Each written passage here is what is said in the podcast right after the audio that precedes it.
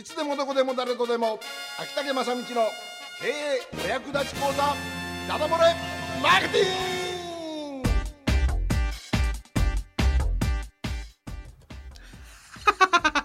何回聞いても楽しいわ。え？え？このオープニング。あそはい。というその何回聞いても楽しいオープニングもはい。8回目を迎えました、うすでにもうこうあの折り折り返しえはすすこれ過ぎてるえね13回うん。シリーズ、そう。で終わったらどうするんですか、あのー、もう一回ほら録音しといたのを毎回流す、うん、流す。順番に。この時間休みができる15分間。はい。いいね。いやいやいやいや、うん、いやいやいや。いや。あのー、はい、そうですね。これ終わった時には、また新たなる、え、えー、経営お役立ち情報をはい、えー、プログラムしたいなと思ってます。素晴らしいですね。うん、今今回のシリーズでやっておりますのが、えー、小さな会社の地域ブランド、地域密着ブランドの作り方ということで、はい、えーまずはこれを作れば、えー商売繁盛ウハウハ。うん。うわうわね。そうですね。ウハウハザクザク、はい。みたいな世界でありますが、重要です。ええ。で今までですね、まあ、とにかくご自身の商売のスタイルうんらしさ、アイデンティティというかえそういうものを固めましょうっていうことで、うん。えー USP であったりですねそしてそういうのが固まればもうどんどんトップ営業しましょうと、えーそれが先週までの流れなんですですがね、えでトップ営業しますとあるいはマスコミに出ますとですねお客さんが来だしますよねえもちろん、ううあ増えてきます。でそこからが実はこの目に見えないところ。で非常に大切なところですね。今日は顧客名簿を作りましょう。ほうほうほうほう。ってお話です、はい。あのーなそんなのね当たり前やないですかとうんいうふうによく言われます、で特に通販の場合とかはですね通信販売ですね。当たり前ですね。当たり前ですわね。これないと商売になりませんわね、で意外と小売業の方々はこの顧客名簿を作ってない業者さんがすっごく多いです。であのー例えばメガネうんうん。の場合は顧客名簿は基本的にはあー作る業種ですよね。うんうん。まあ、あの店に並んでましてあのこのサングラス500円でちょうだいみたいな名はありませんけれども 普通こう視力検査をしてそうそうそうそう。えー、メガネ作りますと、うんえーお名前よろしいでしょうかってこちらの方にお書きくださいってアフターフォローもいたしますみたいな話ですよね、うんありますね。えーもちろん病院は絶対顧客名簿うんできますし、えーそれからお寺さんも檀家の名簿があったりしますけれどもあ基本的に顧客名簿が、えー作りやすい業種と、えー作りづらい業種が確かにあると思います、うん。であのー干物屋もそうなんですね、えー顧客名簿が作りづらい業種かと思います、そうあの観光地に行ってね例えばジジアのように門司港レトロ行きました。干物を買いましたその時に名前を書きました、うん。なんていうことはめったにないことですよね。うん。魚屋さんもそうですね。そうですね。うんああ確かに。で生鮮産品っていうのは意外と作りづらいですね。というふうに言われております。が意外とですねあの生鮮産品の場合は例えばいいお客様がですねえーお店の方にお名前を残してくれてることが結構多いんですね。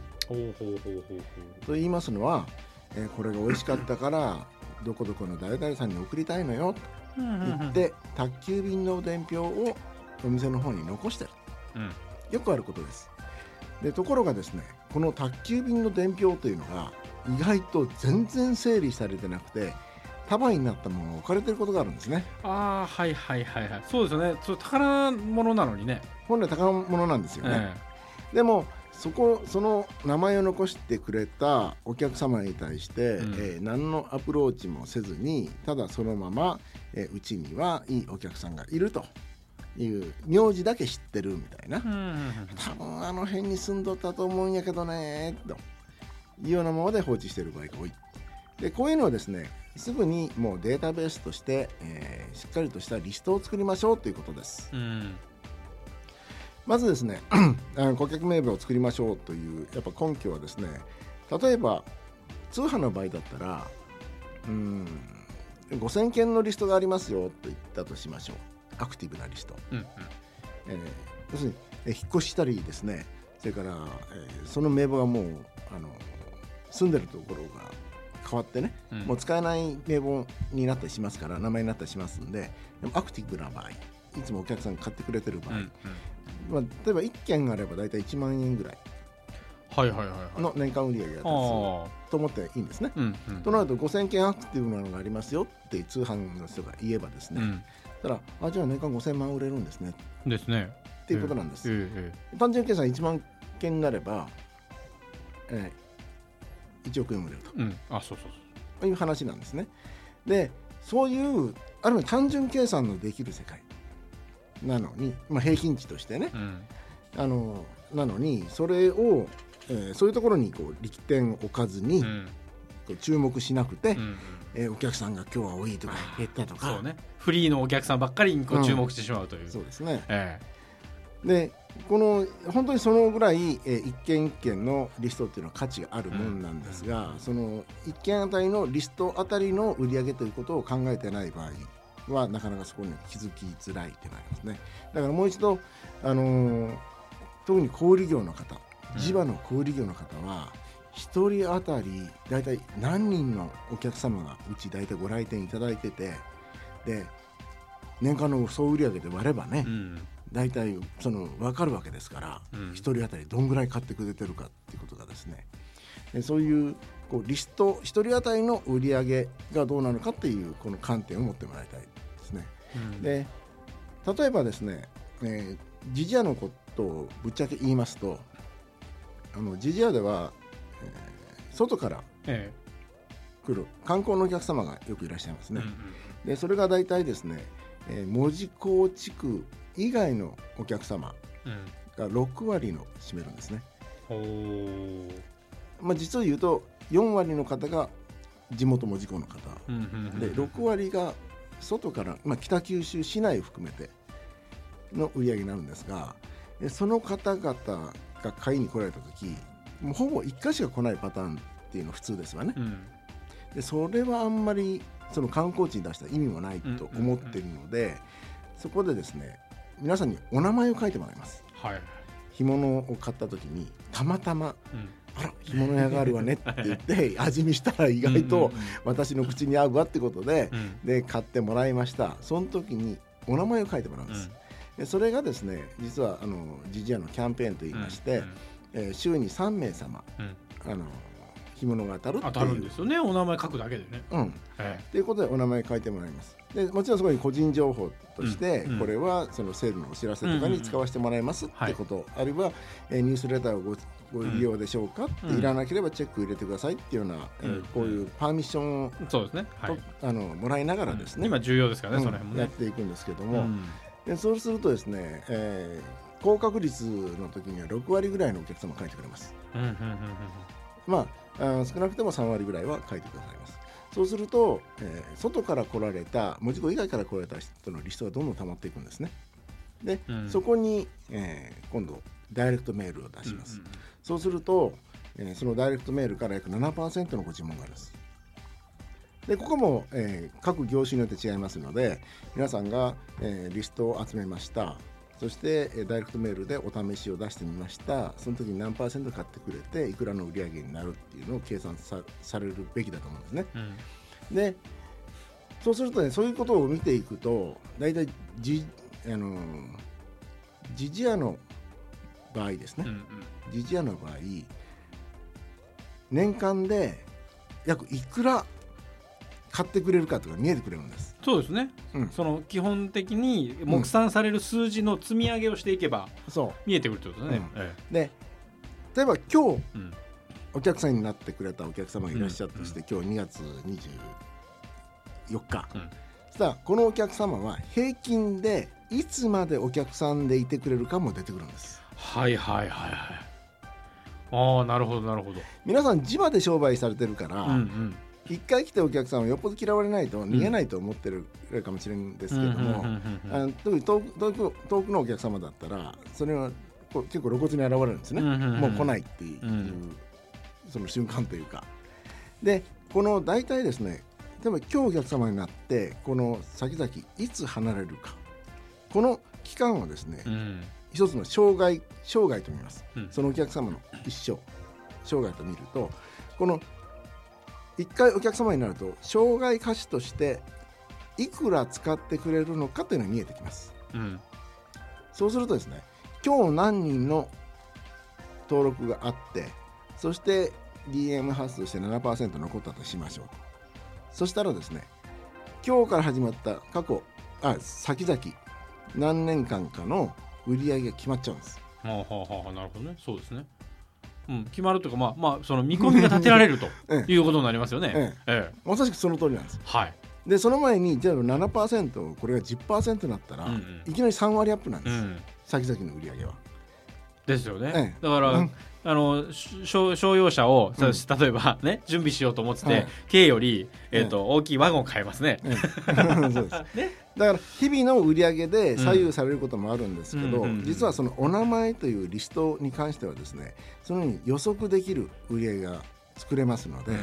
だからリストをぜひ作ってそしてそこをお客様にそのリストを使ってまたあのこの来週再来週の中でも、うん。あのご説明いたしますけどあの手紙を出してお手紙を出して接触コンタクトをずっとしていくとですね、うん。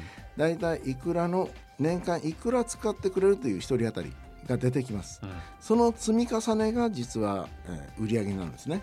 はいはいはい。あまりにもですねあの近所の魚屋さんとかですね野菜屋さんとかでもこの地元で商売されてるけどいやうちはもう証券が狭いから、うん。顔見れば分かるとかでいつも同じ人が買ってくれるから手紙を出すのはどうかとかいうふうな話をしますが、えー悲しいことにですね、えーいいお客さんがいると言いながら実際じゃあ数数えたらどうなんだとかえーそれからいいお客さんだと思ってたのにいきなり来なくなったとかその理由は何かというと引っ越しましたとかあるいはもう亡くなられたとかね。でどこに住んでたかもわからないまんまとかですね、うん。よくあることなんですよね。でそれ数年経ってだんだんそういう方々がいなくなるとあの昔は良かったのって話になるんです。だから、うん。あのそのリストをしっかりと確保していく。例えば100件のものがやっぱり70件になってきたら将来は減るわけですから、それをいかにもう一回100件にするか120件に増やしておくかっていう、えー努力もしなきゃいけない。うんということでまずはお店で、えー名前を書いてもらうという工夫をしましょうですね。でその名前を要は一件多少経費がかかってるのですよ。えかかってるのあのそれを集めることができればそれポイントカードとかね、うんうん。いろんな方法ありますけどいきなりポイントカードシステムを使っちゃうと何十万とかかかっちゃいますから、なので本当紙ベースえで。ポイントカードを作ってお名前を残してもらう、うん。またポイントカードがうんその苦労があれば、うん。そういう1回キャンペーンで当たったらうん。ですね。商品で、その例えば週三三人さん当たっても、うん。まあだから、えー、4 5千円の、うん。その費用でそれだけのリストが手に入るっていうことでしょ、そうそうそうそうそう。ね。通常に何もせずにリストを手に入れることは大変ですから、そういうことになるじゃないですか。そうなんです、ええで将来それが、えーね、何万円、ん。何千万円の売り上げのベースになりますって言ったらその5000円の、えーなんていうんですかね情報費うん。は、情報収集費は、まあ、これ無駄じゃないですよね。そうなんです、えあの通販の場合をですね、うん。ぜひ考えてもらいたいんですが通販はテレビ広告とかうん。新聞広告、チラシとかでですえね、えーどう見たって見た人全員が注文しないようなチラシうんがいっぱい入ってるじゃないですか。はありますね。でそれが 0. 何パーセント、うん。1000人のうち1人とかええうん。でも反応があると、はい。えーまあ、ある面いい方かもしれませんけど、うんうんうん。そうやってまずリストを集めるお試しのリストを集めるためにたくさんのお金を使ってます。そうですね。そうですね。うん。でそうやって集まったリストに対して、ね、DM を出していったり、ん。それから追加の買い物しませんかってリピート買いを促進したりしてお金をかけていくんですね、うんうん。店を開いてる人たちはですねその店自体がある意味広告費初回お試しのための,、うん。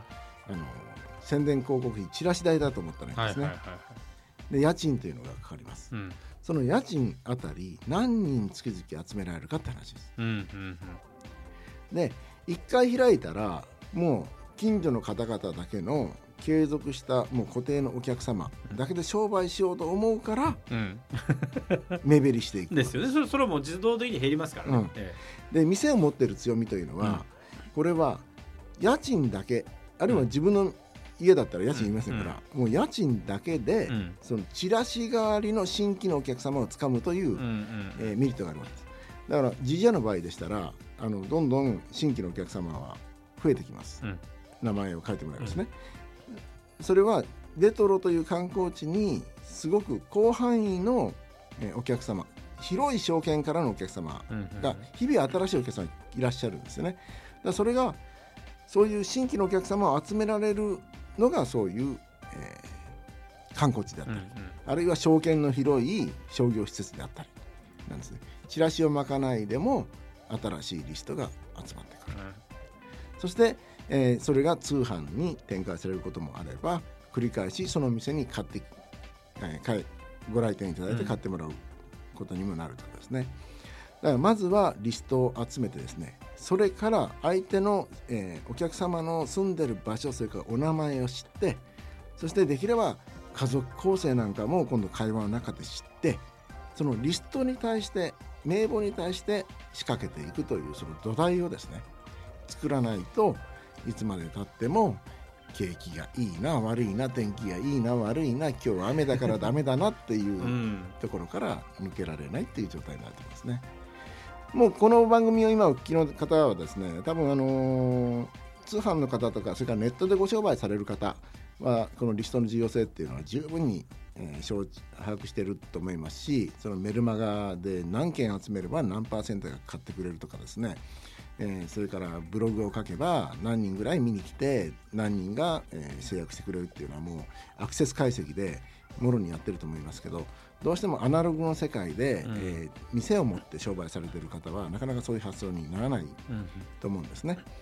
もうこれはお医者さんでも歯医者さんでも薬屋さんでもですね一回、えー決まれば、えーいくら、えー収入なのかって分析取れば分かる世界ですし、うんうん携帯電話とかそうじゃないですか。